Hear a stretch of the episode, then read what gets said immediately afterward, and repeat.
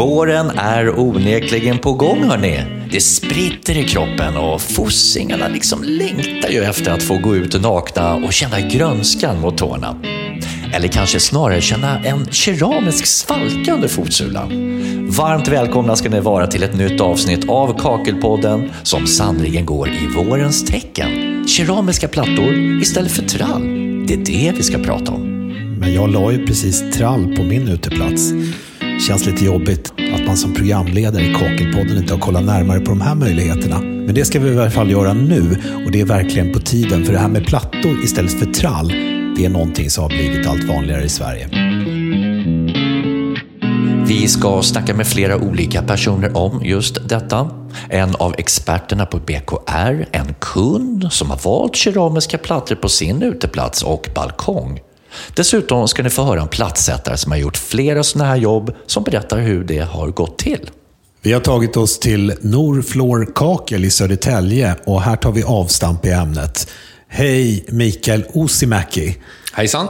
Hur känner ni av trenden att kunder vill ha plattor istället för trall? Det har ju ökat senaste tiden tycker jag. Eh, Börjar väl på att komma mer och mer. Vad är det man efterfrågar när man kommer in i er butik? Ja, när det gäller då eh, plattor istället för trall så är det ju lite grann frågan om hur man gör och, och vad är det som behövs.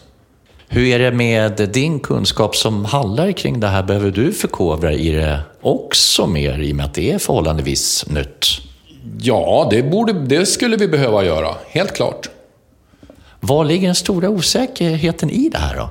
Det är med de här fötterna som, som håller upp hela konstruktionerna liksom, så att man lättare kan välja vilken typ av fot ska kunderna ha. Finns det någon skillnad mellan storstad och småstad? Kan vi räkna Södertälje som lite här vi är nu? Ja, det är en väldigt stor trendskillnad tycker jag. Om vi bara jämför Stockholm med Södertälje. Så är, så är trendskillnaderna större än vad, vad avståndet är tycker jag. Vi brukar ligga normalt eh, två, tre år efter. Är det många plattsättare som kommer in i er butik här och ställer frågor kring, kring keramiska plattor utomhus? Uh, Nja, inte, inte så mycket kanske just det här med, med, med, med, med den här typen av plattor. För den här är ju, de här lägger man ju lösa, de här tjocka plattorna som, som vi jobbar med fötter. Då, så att uh, än så länge så är det inte så mycket frågor från deras sida. Mm. Tack så mycket för det Mikael. Och nu ska vi ta och ringa upp plattsättaren Patrik Andersen på Helsingborgs golv och kakel för att höra med honom hur man ska tänka när man planerar att lägga keramikplattor på en uteplats. Man får försöka planera lite efter plattornas storlek och eh, ytans storlek. Så att man kan börja med hela plattor inomhus eller vid första väggen och sen så går man ut och kan man få hela plattor på slutet så kan man använda det Det är det bästa. Krävs det mycket förarbete då för att börja lägga de här keramiska plattorna? Man ska försöka ha ett jämnt fint underlag som inte sätter sig. Kanske cementplattor eller någonting annat som har legat här ett tag som man kan ställa dem på. Kan man använda sig av gamla, eh, som en gammal trallkonstruktion eller sådär? Trall vet jag väl i och för sig inte men, jag har ju lagt det när jag har lagt det så har vi använt eh, cement. Då har de lagt cementplattor först och haft det där ett tag och sen så har vi lagt, satt fötterna och utgått därifrån. Och de här fötterna då, hur fungerar de? Är, det, är de liksom hållbara och beständiga? De är väldigt hållbara. Man sätter en på varje hörna om det är fyrkantiga, typ 60-60 plattor. Och sen så justerar man in så att de ligger i våg. Och sen så bara matar man på där efter det. Har större plattor, till exempel 30-120 eller 40-120 som jag har lagt också, så då måste man ha en, en sån här fot i mitten också. Det går åt många fötter med andra ord? Där går åt en del fötter, ja. Finns de i olika former och höjd eller ställer man in dem? Eller De finns i olika, olika höjder. Alltifrån små tunna till rätt så höga, alltså 15, 20, 25 centimeter som du kan justera lite olika. Jag har gjort jobb där jag har fått kombinera allihopa, alltså från stort till smått på grund av att det har varit så mycket fall. Och sen så finns de i, så att de är självnivellerande, alltså själva toppen då ju. Vad innebär det? Det innebär ju att de, de lägger sig i, alltså i nivå. Även om underlaget är lite snett så ligger toppen då när man lägger plattan, då ligger den jämnt när man har lagt dit plattorna. Och sen så finns det vissa modeller som där är, man använder nyckel till, som man, använder, man sätter mellan plattorna uppifrån. Och där finns de du justerar för hand underifrån. När man jobbar med det här, är det några speciella särskilda verktyg som man använder? Jag köpte ju en stor kakelskärare som tar två centimeters plattor. Så man kan knäcka plattorna med det. det är ju, annars är det ju vinkelslipen som jag har kört med. Det är ju ett jävla skärande. Vad säger kunderna då när du är klar med ett sånt här arbete? De tycker att det är skithäftigt, de flesta. För det är ju häftigt. Det är ju att ha ett klinkergolv utomhus där du inte behöver ha en betongplatta, alltså en göte betongplatta. Då skulle jag vilja runda av med en fråga här. Om du skulle tipsa andra plattsättare om att liksom, hoppa på den här typen av jobb, kanske till och med sälja in dem aktivt, vad, vad skulle du vilja skicka med? Så de flesta plattorna idag som finns de finns ju typ samma modeller eller stilar och allting som finns till inomhusplattor. Det är lätt att lägga det. Vill man inte ha det efter två år så plockar man bort det och plattorna är hela fina. Man kan lägga det på det, man kan lägga det samtidigt kan du lägga det på gräs, du kan lägga det på grusbäddar och allting också om du vill göra det. Och du kan sätta det med fix. Att även kunna använda keramik på uteplatser och balkonger skapar ju fler möjligheter till nya arbeten, vilket är bra. Ja, och som Patrik sa, kunderna tycker ju det här är skithäftigt. De blir med andra ord supernöjda. Men aj, aj, aj. Det här kan jag inte berätta till frugan. Att vi nog hellre skulle ha lagt plattor istället för trall, det, det går inte. Men måste du berätta allt för frugan? Let it be! Köp ett fång rosor till henne. Och så byter du ut trallen framöver en gång istället när hon är på en konferensresa eller någonting. Ja, skulle jag helt plötsligt komma hem med blommor skulle hon ju tro att jag har gjort något helt annat. ja, så, kanske. Men hörni, vi håller oss kvar i Skåne för vi har även pratat med en kund, Pierre Dupont, som bor på Gamla Lerberget i Höganäs, om vad det var som fick honom att välja keramik istället för trall, eller sten för den delen, till sin uteplats. Mm. Dels är det ju det underhållsfria i ett stenmaterial. Jag är väldigt förtjust i stenmaterial. Därmed inte sagt att eh, trätrall är på något sätt någon eh, dålig lösning. Men när man då för en gångs skull ska få göra någonting till sig själv som vi har eh, haft möjlighet här nu och köpt ett hundra år gammalt hus och eh, la all vår kärlek. Så att eh, hustrun till mig säger att eh, ha, vad har vi kvar egentligen av huset? Ja, men det är grunden och ytterväggarna. Annars har vi byggt om allt efter hundra år. Ju. Och eh, då fick vi möjlighet att göra en, en stor altan och eh, planerade även för en stor eh, takterrass. Ser man då till vårt klimat, bor nära sundet, det är salt och det är ditt och det är datt, så har ju trä överhuvudtaget är ju en förbrukningsvara om man jämför det med stenmaterial. Och genom åren har jag ju förlorat mig lite i eh, granitkeramiken. Man blir ju onekligen eh, väldigt nyfiken på att se hur, hur du har det där. Vad, vad blev det för plattor? Var det någon särskild liksom färg eller mönster? Eller? Ja, det var vi rörande överens om att ska vi ha någonting här nu så ska det alltså vara rejäla plattor, 60-60 vi, vi ehm, jobbar upp någonting. Vi har alltså höjt upp marken runt omkring så att där är en rejäl sockel på 70 centimeter men vi går från golvnivå rakt ut på altanen. Och så åkte vi faktiskt ner till Italien, till Modena och tittade runt på lite olika tillverkare där och fastnade för eh, Florims eh, sortiment där nere. Och och det är ju förträffligheten i, i, i materialet. Och sen ut, ytstrukturer och liknande. Alltså det, det blev så klockrent. Så valet blev eh, ganska enkelt.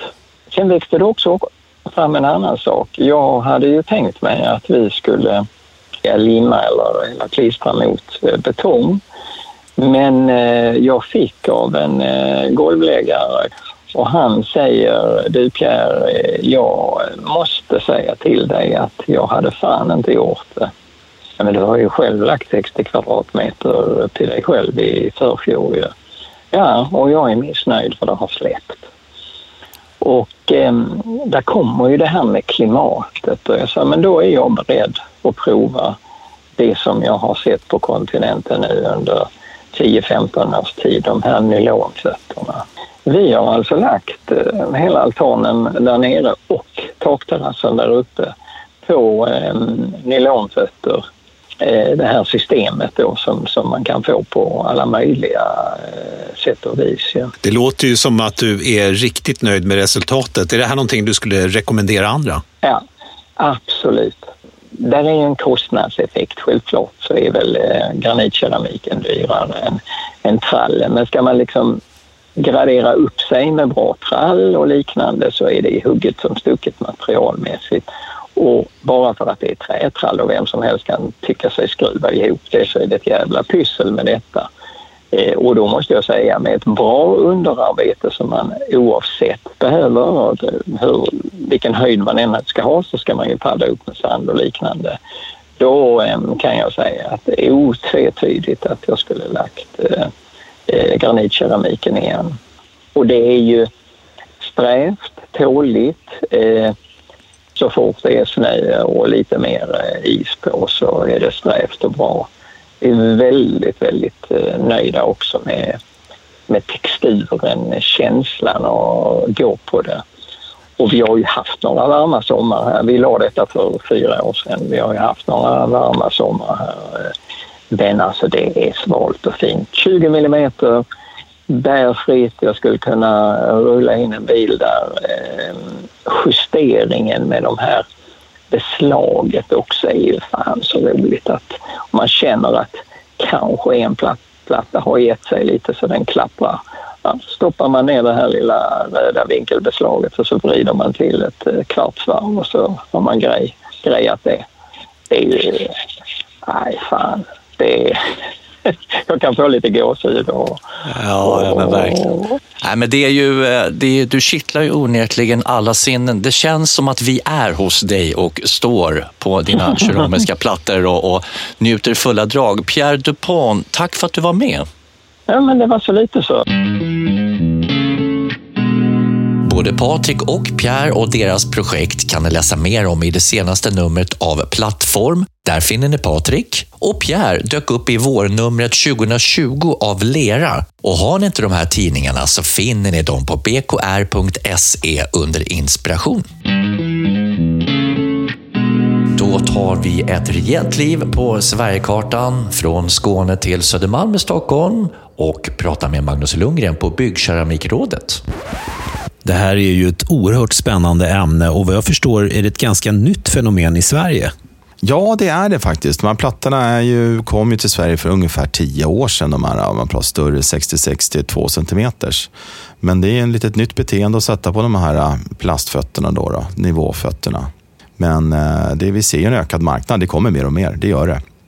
Du, eh, vi har ju fått en fråga från en plattsättare som jag tänkte vi skulle ta och lyssna på. Ja, eh, jag har fått en fråga om att lägga keramikplattor på en balkong. Jag har aldrig gjort det förut. Eh, vad är det jag ska tänka på? Ja, det är en bra fråga. Det där är ju egentligen två sätt. Antingen har man höjderna så kan man sätta dem på plastfötter som vi pratade om tidigare. Då lägger man lite större plattor. Det gör ju också att du får ett flexibelt golv ganska enkelt. Men ska du jobba traditionellt, ja då ska du se till att du har rätt fästmassor och rätt fogmassor. Och att du använder rätt teknik, att man dubbellimmar och får fullt under plattorna. För det finns alltid en risk att vattnet kommer ner och eh, det kan få frys och frostskador med det klimatet vi har. Sen gällande keramiken, ja då är det självklart att keramiken ska vara frostsäker. Det ska vara en granitkeramik då, som tål den. Och gärna då med lite halksäkerhetsskydd också. Eh, vad är det för typ av frågor som ni brukar få just kring keramikplattor för utomhusbruk? Ja, det är väl traditionellt så här, går det? För man, har ju haft, man vill gärna ha ett material som är slitstarkt, man vill ha keramiken, men eh, man har ju då sett många gamla liksom, terrasser och sådana altaner och balkonger där plattorna har lossnat. Det kommer med tiden så, så kan det komma liksom, orenheter kommer ner i fogarna och sådana saker. Så att hur man gör det, hur man renoverar dem. Och det finns ju så mycket fina tekniker idag. Alla våra kafleverantörer har ju system för terrasser. Det finns olika tekniker att jobba med, men det, idag är det inga konstigheter. Jobbar man med rätt sätt och rätt mal. Man har, man hade identifierat de svaga punkterna. Det handlar, handlar om att få ner liksom, avrinningen med vatten, att det inte blir stående vatten någonstans som kan frysa. Och sen finns det de här fötterna också som är väldigt populära. Så det, det är ett enkelt sätt. Det, liksom, det blir den nya trätrallen hoppas vi i framtiden. Ja, vi hörde ju det av plattsättaren tidigare, att det var väldigt enkelt att lägga de här Finns det några utbildningar just kring eh, keramik utomhus? Ja, det gör det. det är oftast har lever många leverantörer som har då både plattor och de här systemen har utbildningar just för terrasser och utomhus, då, utomhusarbeten. För det är lite mer annorlunda än att jobba just inne i badrum. Så då är det viktigt att man kontaktar sin leverantör. Det här med att ha en trätrall, jag har ju själv byggt en här eh, lagom till förra sommaren. De har ju en, en, inte en livslängd som varar för evigt, utan den är ju begränsad. Hur lång livslängd har en sån här uteplats med keramikplattor? Oj, alltså rätt monterad så håller den 30, 40, 50 år. Det är inga konstigheter. Du behöver inte göra någonting utan du behöver inte olja eller underhålla. Alltså, trä är ju ett förbrukningsmaterial så det ska ju då behandlas och skötas. Men där har vi keramiken. Där har vi ju, gör vi utgrävningar så är det ju 6000 år hittar vi keramik. Så, att, så ur keramikens synpunkt så är det ju hur länge som helst. Men pratar man om Eh, sen är ju montaget, alltså fästmassor och sånt med avrinningar eller eventuella skador som kan tillkomma på det här. Det, det, det får man åtgärda på samma sätt som på en putsad fasad eller någonting annat då, som har cementprodukter. Så är det ju fukten som är, man ska hålla, rätt, hålla koll på. Finns det några andra risker då med frost, snö eller, eller andra saker som kan påverka en, en keramikuteplats? Ja, det kan väl vara storlek på plattor, lite färg på plattor och sen lite så, det är väl det, om man har stora plattor och tunna plattor och sådana saker, men det ska man ju välja rätt keramik för rätt ändamål. Och det hjälper ju dina, din, eh, din kakelleverantör, din proffsbutik, alltså de, yrkesbutiken för där du köper keramiken, det är ju de som vet vilka plattor som är lämpliga för utomhusmontage. Det är inte alla plattor som är det, utan det är, för att det är keramik så är det inte självklart att det går att använda utomhus. Så det, är ju, eh, det bör man kolla i alla fall. Och lite grann att, inte, att man har lite där med halksäkerheten på plattan också. Men det finns ett jätteutbud och det är inget nytt. Ja, men tittar man på norra Italien, de har ju också frost och vinter och kallt och sådana saker. Och många skidorter i Alperna har ju keramik på sina ytor. Det är för att det är ett slitstarkt material och så vidare. Så det är det som är fördelarna med det. Det här till skillnad från trätrall som vi alla vet, men det är ju förbrukningsvara. Det håller en 10-15 år, sen får man ju lägga om det. Skulle man göra det här med keramik så är det en väldigt spännande utmaning att se om man kan lägga keramiken direkt på en trätrall, alltså direkt på en trätrall eller på trä Eh, på bärlinjerna av trä. Så det vore ju spännande att se om det är någon som har gjort och erfarenhet av det. Och jag är lite, jag är lite sugen och ville prova själv faktiskt för att slippa där stå med högtryckstvätten och få fliser i fötterna. Ja, det låter ju onekligen som en spännande utmaning. Jag kom att tänka på en annan sak. Om man spiller ett glas saft eller kanske ett glas rödvin på en trall, ja, då är det ju inte så bra. Det blir ju missfärgningar. Men på keramikplatta, då händer det väl ingenting, eller? Nej, det värsta är att ett glas går sönder. Det är väl det, men det kan du göra även på trätrallen. Men det är ju fördelen just med keramiken. Den absorberar ingenting. Den ändras inte av UV och det är liksom ingenting som gör att den ändrar struktur som en trätrall gör. Och det får ju inte de här märkena heller såklart. Det har man ju sett om man har, står och grillar och har någonting på trätrallen så blir det oljefläckar och så vidare. Det här är ju absolut en av keramikens fördelar. Det är lätt att göra rent. Det är bara på att torka bort och sen, sen är det som nytt igen. Vi hörde ju från Pierre tidigare att han tyckte att prisskillnaden om man väljer ett mer exklusivt trä jämfört med, med keramikplattor inte är någon större skillnad. Eh, är det så? Som... Ja, jag skulle nog tänka... Alltså, i, långa, I slutändan så skulle jag nog säga att då jämnar det ut sig såklart. Men eh, initialt så är det väl kvadratmeterpris över en trätram. Du får också jämföra äpplen och päron för att det är två skilda produkter helt och hållet. Tar du en tunn trall som, som var billigaste, enklaste kvaliteten så är den billigare och jämför den med dyraste keramiken. Men ska du ta en, en, en kvalitetsträtrall och en, och, och en keramisk platta så tror jag inte skillnaden är så stor. Det kan skilja några hundralappar kanske, någonting per kvadratmeter och sen får man dividera hur stor är, är terrassen. Men du får ju någonting som du aldrig behöver göra någonting åt istället. Ser lika fräsch ut år, första dagen som du använder det som dagen efter tio år. Det händer ingenting med keramiken. Den ändras inte, den ser likadan ut. Så det, ja, men det är verkligen en fördel för keramiken. Den här trenden att det blir allt vanligare att kunder efterfrågar att bygga med keramiska plattor. Vad innebär det för kakelbranschen? Ja, men det är ju jättebra, för vi, att man märker ju också att Eh, det här med tiden, vad folk vill lägga på att måla sina hus och måla fönster och skruva och tvätta trall. Man vill ha underhållsfritt, man vill ta något ansvar. Man, det blir mer att man vill ägna tiden åt andra saker än underhåll. Och det är ju därför keramiken har sitt uppsving lite grann också. Det är ju det är populärt idag. När man ser, vi ser det på badrummen. Man bygger inte badrum bara för att det ska vara ett vattentätt bra material, utan man bygger för att det ska vara fint och att det ska vara hållbart. Och det är över tid också. Och det ska vara minimalt med underhåll. Och det är ju ingenting som är så lättstädat som en keramisk platta. Det vet ju alla. Du, Marcus. Mm? Jag kollade igenom alla de appar som jag laddar ner i min telefon för att se hur många av dem som jag faktiskt använder. Mm, intressant. Mm, ja, alltså 153 stycken är ganska många. Hur många tror du av dem som jag använder regelbundet? Fan, 153, det låter mycket, men när jag kollar på min telefon här så... Nej, fan, det är ju faktiskt väldigt rimligt. Det är nog där någonstans det ligger, tror jag, för gemene man. Ja. ja, men uff, hur många kan det vara? Ja, 10 procent är nog för lite. 20 procent gissar jag på, så det blir runt 30 stycken då. Skönt långt ekvationellt utlägg från din sida där. Runt 18-19 faktiskt. Ja, okay. Men det jag vill komma fram till är att det finns vissa appar som man inte kan vara utan, som till exempel TikTok och Snapchat. Skämtar du? Ja, det är faktiskt. Det gjorde jag. Men det finns ju en kategori som underlättar ens vardag rejält och sparar tid. Nu är inte jag någon platssättare på något sätt och vis, men jag tror faktiskt att BKRs app platsar under den kategorin. Och för att få svar på hur nödvändig appen är så har vi kollat upp det här lite närmare och slog en signal till Oskar Johansson på JO Mureri och Kakel i Borås. Hur kom det sig att han laddade ner BKRs app? Eh, nej, men det var när jag eh, registrerade mig som behörigt företag hos BKR. Eh, så tipsade de om den här appen. Eh, och då laddade jag ner den och provade den och tyckte det var himla smidigt eh, sätt att jobba med när man ska skapa kvalitetsdokument och sånt så är det mycket smidigare tycker jag att göra det i telefonen när man är på plats än senare hemma vid datorn. Hur länge har du haft den här appen? Hur länge har du använt den? Eh, jag har använt den sedan årsskiftet nu har jag gjort. Så det är tre månader eh, och är supernöjd med det. Kan du inte berätta hur, på vilket sätt du använder den? Eh, nej, man brukar lägga upp och skapa projekten i appen när man är på plats i badrummet. Sen har de även lite såna här flikar där man kan ladda upp bilder och fotodokumentera som jag tycker är himla smidigt. Så kommer allt samlat på en plats så det är bara att slutgodkänna det sen när man sitter hemma på kontoret. Jag börjar i appen och sen brukar jag slutgodkänna det när jag sitter på kontoret sen eh, och skickar det till kund eller beställaren. Då.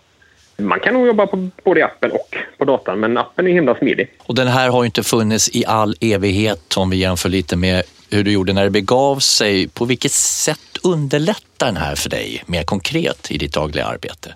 Men det förenklar ju allt. Eh, telefonen har man ju alltid med sig och där har man ju allt. Och man kan ta bilder, fotodokumentera, sitta och pula och spesa lite och ändra lite under resans gång så det är himla smidigt. Är det någonting annat du kan eller vill säga om appen? Nej, men ladda ner den och ge den ett eh, ärligt eh, försök. Det har förenklat min eh, vardag på arbetet jättemycket. Så jag tycker den är supersmidig att jobba med. Skulle du kunna uppskatta sådär, på ett ungefär mellan tummen och pekfingret hur mycket tid du sparar genom att använda appen? Ja, nej, men det är klart att man sparar tid på att använda den. Istället för att sitta och kladda i något anteckningsblock, lite stödanteckningar och slarva bort dem under resans gång och behöva göra om det och krångla och ha sig. Utan bara smacka in det direkt i appen så är det färdigt sen. Så det sparar betydligt mycket mer tid än vad man, vad man tror, tror jag. Härligt. Fortsätt att appa järnet. Kloka ord från Sjuhäradsbygden. Oskar, tack för att du var med. Ja, tusen tack. Och Byggkeramikrådets app den finns att ladda ner där appar finns förstås. Låter ju mina icke-plattsättaröron då som en app som kommer att användas flitigt om man jobbar som plattsättare. Nu har vi kommit till en punkt som kommer att få din mun att likna bokstaven U. Eller kanske till och med som ett stort D som ligger på magen. Dags för veckans kompis. Jag hade en eh, gammal kollega som jag jobbade med för, eh, det var nog kanske 15 år sedan kan kalla honom för Magnus. Mm. Vi hade lagt sådana här uh, Höganäs Grynna 10 x 10 plattor som var ganska vanligt att man hade då. Uh, det var utanför så här gästtoaletter på, på ett kontor så är det som en liten hall framför. Som är ganska, det, är ganska, det blir en ganska lång korridor. Så mm. Och då hade han lagt de där plattorna och sen så när vi då... Jag kom dit, vi skulle typ dra och käka lunch eller något sånt där. Och då tittade han längs, längs fogarna så här och då kunde man se att eh, det var riktiga så här, ormar, som man kan kalla det. Ja, oh, de, de snirklar sig fram lite. Ja, precis. Man ser, det är ganska tydligt när man lägger 10 gånger 10 plattor att det, det, är väldigt lätt att det inte blir snörrakt. Liksom. Och vad gjorde han då? Då tänkte han att han hade ju lagt det där tidigt på morgonen, så att han kände på plattorna så här, men jag tror att de sitter, så jag kan nog jag kan nog tassa in där och, och rätta till den där, de där sneda plattorna. Aha. Så, nej, nej, fan Magnus, det kan, du kan inte gå in där. Det, det, det är lagt med vanligt fix, så det, det kommer inte gå. Jo, men jag känner det, det, det är nog lugnt så här. Så då tassar han in där, men det är liksom ganska fort så såg man ju att plattorna bara for ju åt alla håll och kanter. Liksom. Mhm, Det var som hela havet stormar på plattorna i princip. Ja, det vart ju det. Så då fick han ju... Det vart ju en ganska sen lunch, för då fick han ju liksom börja om och rätta till alla och backa sig bakåt, bakåt, bakåt och rätta till alla de här felen som var då. Så att, Och du blev ju ganska arg på honom. nej, det var ju hans golv, så det, jag, jag hade ju ryggen fri liksom. Uh, uh, vad jobbigt. Nej, min mun ser mer ut som ett liggande D. Den garvar hela tiden. Här.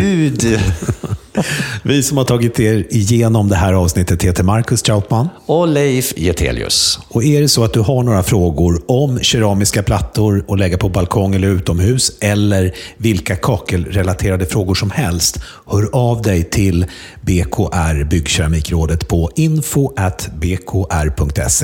Och så spread the word. Berätta om alla ni känner, nära och mindre nära, om oss. För det här är bra underhållning och det blir det även i nästa avsnitt såklart. Ha nu en riktigt eh, bra vår här, så säger vi som plattisen Janne. Satt platta sitter.